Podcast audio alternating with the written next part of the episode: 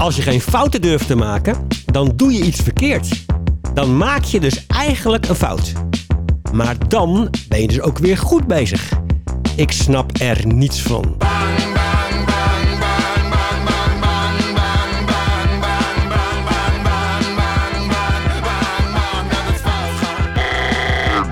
Ik heet Remco van de Drift en ben directeur van het Instituut voor Faalkunde.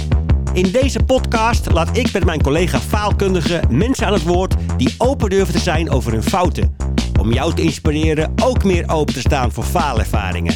Voor minder perfectiestress en meer foutenmaakmoed.